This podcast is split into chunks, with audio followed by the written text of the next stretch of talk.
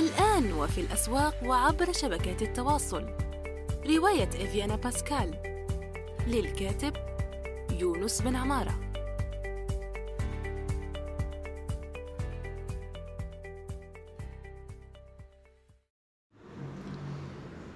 السلام عليكم ورحمة الله وبركاته. في حلقة جديدة من يونستوك سوف نجيب فيها هذه المرة عن سؤال وردني من الأخت زمردة بارك الله فيها وهو يقول كثيرا ما يحدث أن الأدبيات في التخصصات التربوية التعليمية تحتوي على أكثر من كلمة كترجمة لمصطلح إنجليزي واحد وكثيرا ما يسبب هذا أزمة لي عندما أتناقش مع شخص وأحتاج لهذه المصطلحات فكلانا لديه وجهة نظر معينة حول أفضل ترجمة للمصطلح وحول ما يعنيه.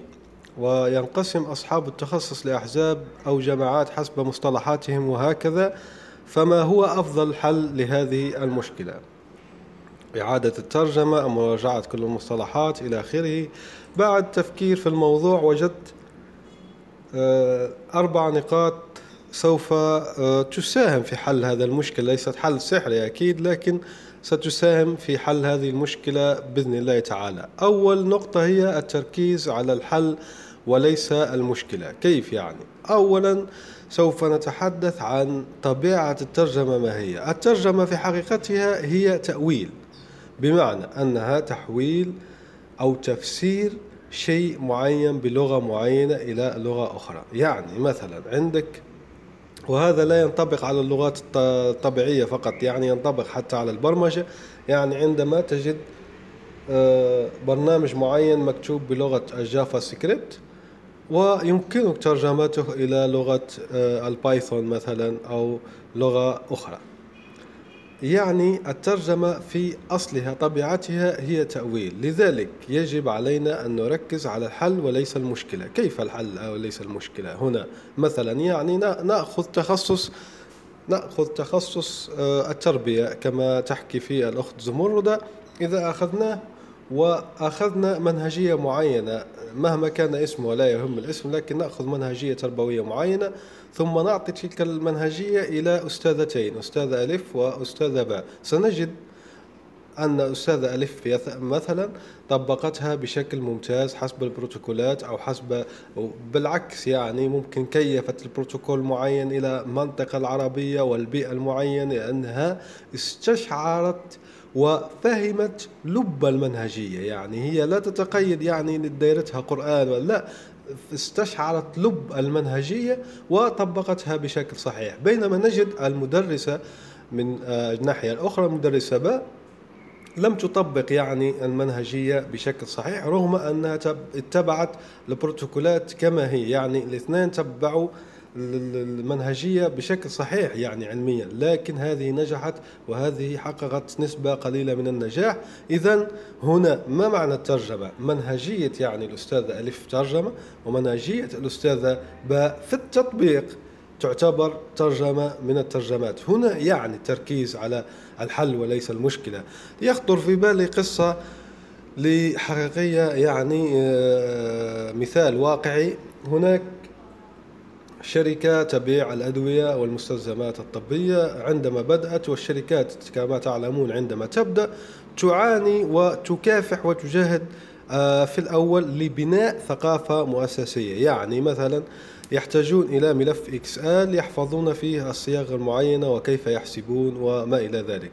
هنا أتت آه، إحداهن اسمها لنقل أن اسمها مثلا آه، اسماء غبوني لنقل مثلا ان أن اسمها وفاء. وفاء هذه يعني آه، صنعت ملف إكس آل فيه كل الحسابات وفيه كل الأمور التي تحتاجها المؤسسة وكان من الجودة بحيث استغ يعني بقى هذا الملف مع المؤسسة لمدة 12 سنة.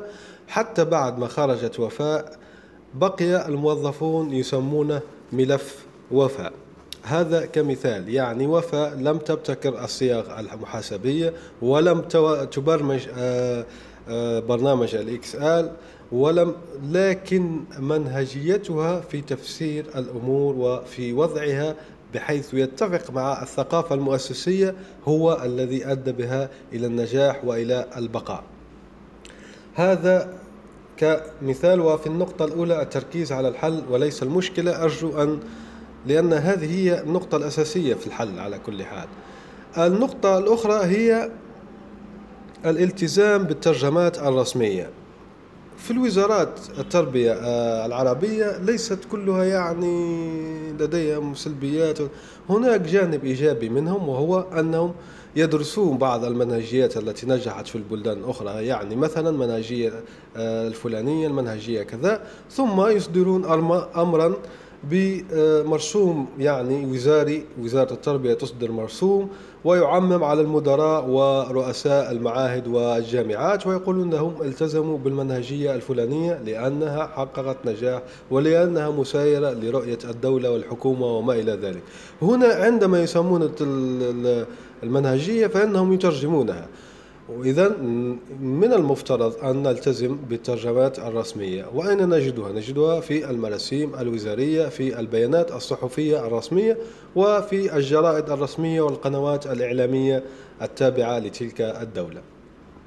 النقطة الثالثة وهي التوحيد ليس مهمة العاملين في في قطاعات مختلفة. وهنا نحكي عن قطاع التربية لكن في أي قطاع؟ إذا أعطوا الخبز للخباز.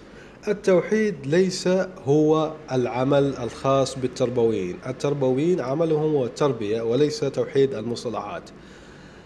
بمعنى أن نحن من المفترض أن نركز عن آه، العمل صح لكن كيف نتفاهم؟ يعني أنا تربوي وهو تربوي أريد أن نتفاهم أريد أن نتناقش في المنهجية أو كذا. هي الأخت زمردة وضعت يدها على موضوع مهم وهو أن يعني نحن نختلف حول ترجمة المصطلح وحول ما يعنيه أصلا. وهنا مشكلة يعني. إذا كان الطرف الآخر لا يفهم المصطلح يعني ماذا يعنيه بالضبط؟ عفوا مصاب ببرد هذه الأيام دعواتكم. يعني آه، هنا إشكالية في الفهم وليس إشكالية في آه، ترجمة المصطلح بالضبط. وهنا يجب أن نتفق. يعني نعمل تسويات تسويات. كومبرومايز بيننا الاثنين ونحاول أن نصل إلى اتفاق يعني لنسميه أيا يشاء. لكن المنهجي يعني عندما أنا أناقش أقول له هكذا. لنسمي أيا أيا كان المهم أني لدي تحفظات على هذه المنهجية وهي كذا. أولا عدم مراعاتها للبيئات العربية إلى آخره. يعني هذا نموذج على كيفية التسويات في الحديث والتركيز على الحل وليس المشكلة. نذهب إلى آه، النقطة الرابعة وهي إنشاء ثقافة ترجمية للمؤسسة التي نعمل فيها وهنا المؤسسة التربوية. ومن بينها التعاون التعاون مع مترجم المؤسسة ممكن تقول مؤسستي ليست فيها مترجم وهي في الحقيقة المؤسسات معظم المؤسسات الكبيرة خاصة الكليات أو غيرها أو تجد فيها مترجم هنا أو هنا أو تجد يعني مشتغل في الترجمة ولديه اهتمامات في الترجمة. زائد محاولة إنشاء جلوسري خاص بتلك المؤسسة وما يعنينا خارج المؤسسة لا يعنينا.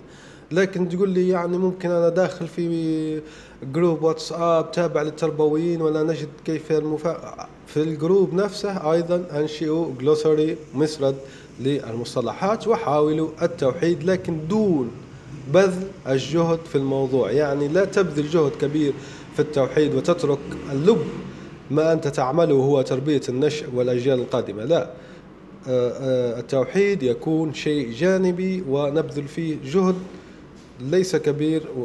لماذا؟ لكي نحفظ طاقتنا للتركيز عن آه، المهمة الرئيسية. هناك أيضا عندما نحن نقول يعني ممكن إنسان يقول نحن نسعى إلى إلى توحيد المصطلحات لكن نجد إشكالية هذا يترجمها بشكل ونحتاج في نفس الوقت إلى إلى إلى التواصل ونجد وجهات نظر مختلفة. هنا نبحث عن الجهات المختصة ومن بينها بين هذه الجهات التي جربت أن رسلت رسلتها وجاوبتني هو مجمع اللغة اللغة العربية على الشابكة وتشرف عليه لجنة من خبراء اللغة العربية الممتازين جدا في المملكة العربية السعودية. آه، المملكة العربية السعودية. وهناك أيضا مجمع اللغة الافتراضي لكن أفضل مجمع اللغة على الشابكة لأنه يبدو متفتح. أولا وثانيا هو يرد آه، باحترافية وسرعة عالية أما المجمع الافتراضي آه، لديه اختلافات عميقة جدا مع المجمعات الأخرى ولا يرد وليس هناك عمل مؤسساتي حقيقي يعني يأتي في خلفيته. على كل حال سوف أضع رابطيهم في تدوينة تابعة لهذه الحلقة. ذكرت أيضا الأخت زمردة موضوع معين هو على أكثر من كلمة كترجمة لمصطلح إنجليزي واحد وهو هذه في الحقيقة أه، معلومة شائعة لكن ليست صحيحة مئة بالمئة. المصطلحات الإنجليزية في التخصصية هي موحدة لانتشارها لكن في حقيقتها يعني أصلا في عندما برزت لأول مرة يعني مثلا أه، شخص معين باحث في جامعة أمريكية واخترع آه، منهجية أو طريقة معينة وسماها ثم انتشرت. هذه التسمية تبقى ثابتة يعني. في الحقيقة هناك عدة مخترعات وعدة منهجيات تبدل اسمها لأن الإعلام وجد وجد الاسم هذا لا لا يعمل يعني في آه، يعني يتمثل في الغرابة ويتمثل عنده إشكالية في الإعلام. إذا يبدلونها. يعني مثلا عندما يتكلمون يقولون المنهجية الفلانية والتي تعرف على نطاق واسع بكذا. إذا المصطلحات الإنجليزية ليست موحدة مئة بالمئة. هو صحيح يعني عندما نتكلم عن الكتب القديمة والكتب كذا سنجد أن معظمها موحد. لماذا؟ لأن المنافسين لم نعد نراهم وليس لأن يعني هي موحدة في الأصل. لا.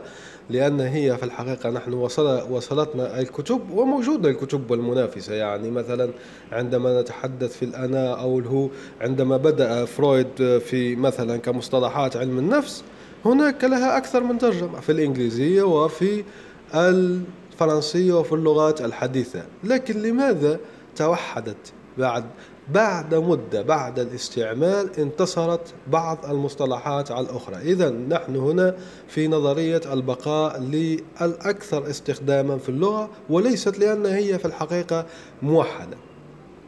إذا نلفت النظر لهذه النقطة لكي نقول أن اللغة العربية ليست يعني فيها الإشكالية تاع التوحيد أو كذا بعض بصح الناس يقولوا هي في هي الإشكالية نعترف بها موجودة يعني لكن لعدم المواكبة العلمية وليس لضعف اللغة أو آه، شيء آخر.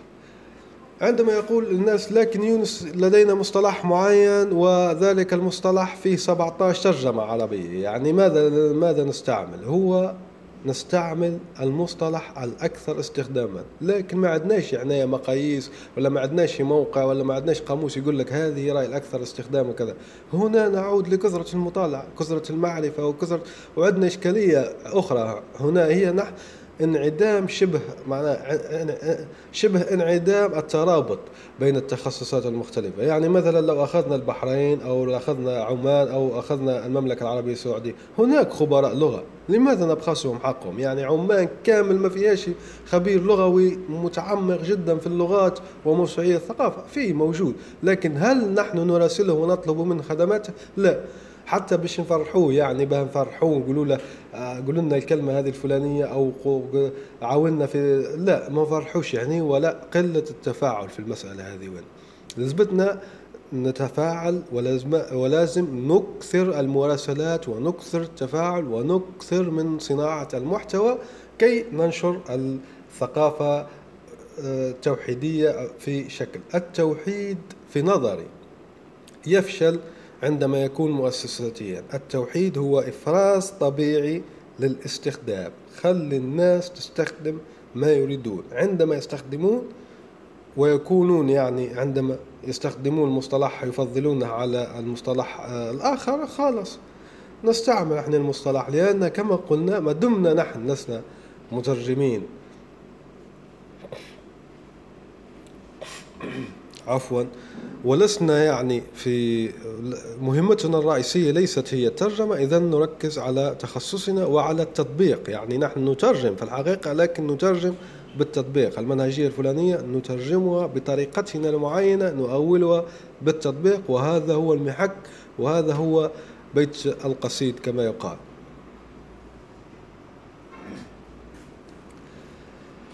إذا آه، تكمل الأخت زمردة تقول إعادة الترجمة مراجعة كل المصطلحات؟ لا عند نحن قلنا يعني آه، في النقطة الثالثة هي إنشاء ثقافة ترجمية المؤسساتية وهنا نشير إلى يعني مثلا أنت في جامعة والجامعة آه، وتلك الجامعة فيها يعني قسم لطلبة الترجمة أو كذا. نحاول أن نتصل مع الدكاترة نعمل أيام دراسية ونعمل فعاليات وأحداث يعني مثلا حداث إشكالية مصطلحات التربية في المدارس العربية مثلا مدارس البحرين أو مدارس المملكة العربية السعودية وكذا نحاول أن نثري البيئة الثقافية في المؤسسة التي نعمل بها من خلال إنشاء ثقافة ترجمية للمؤسسة.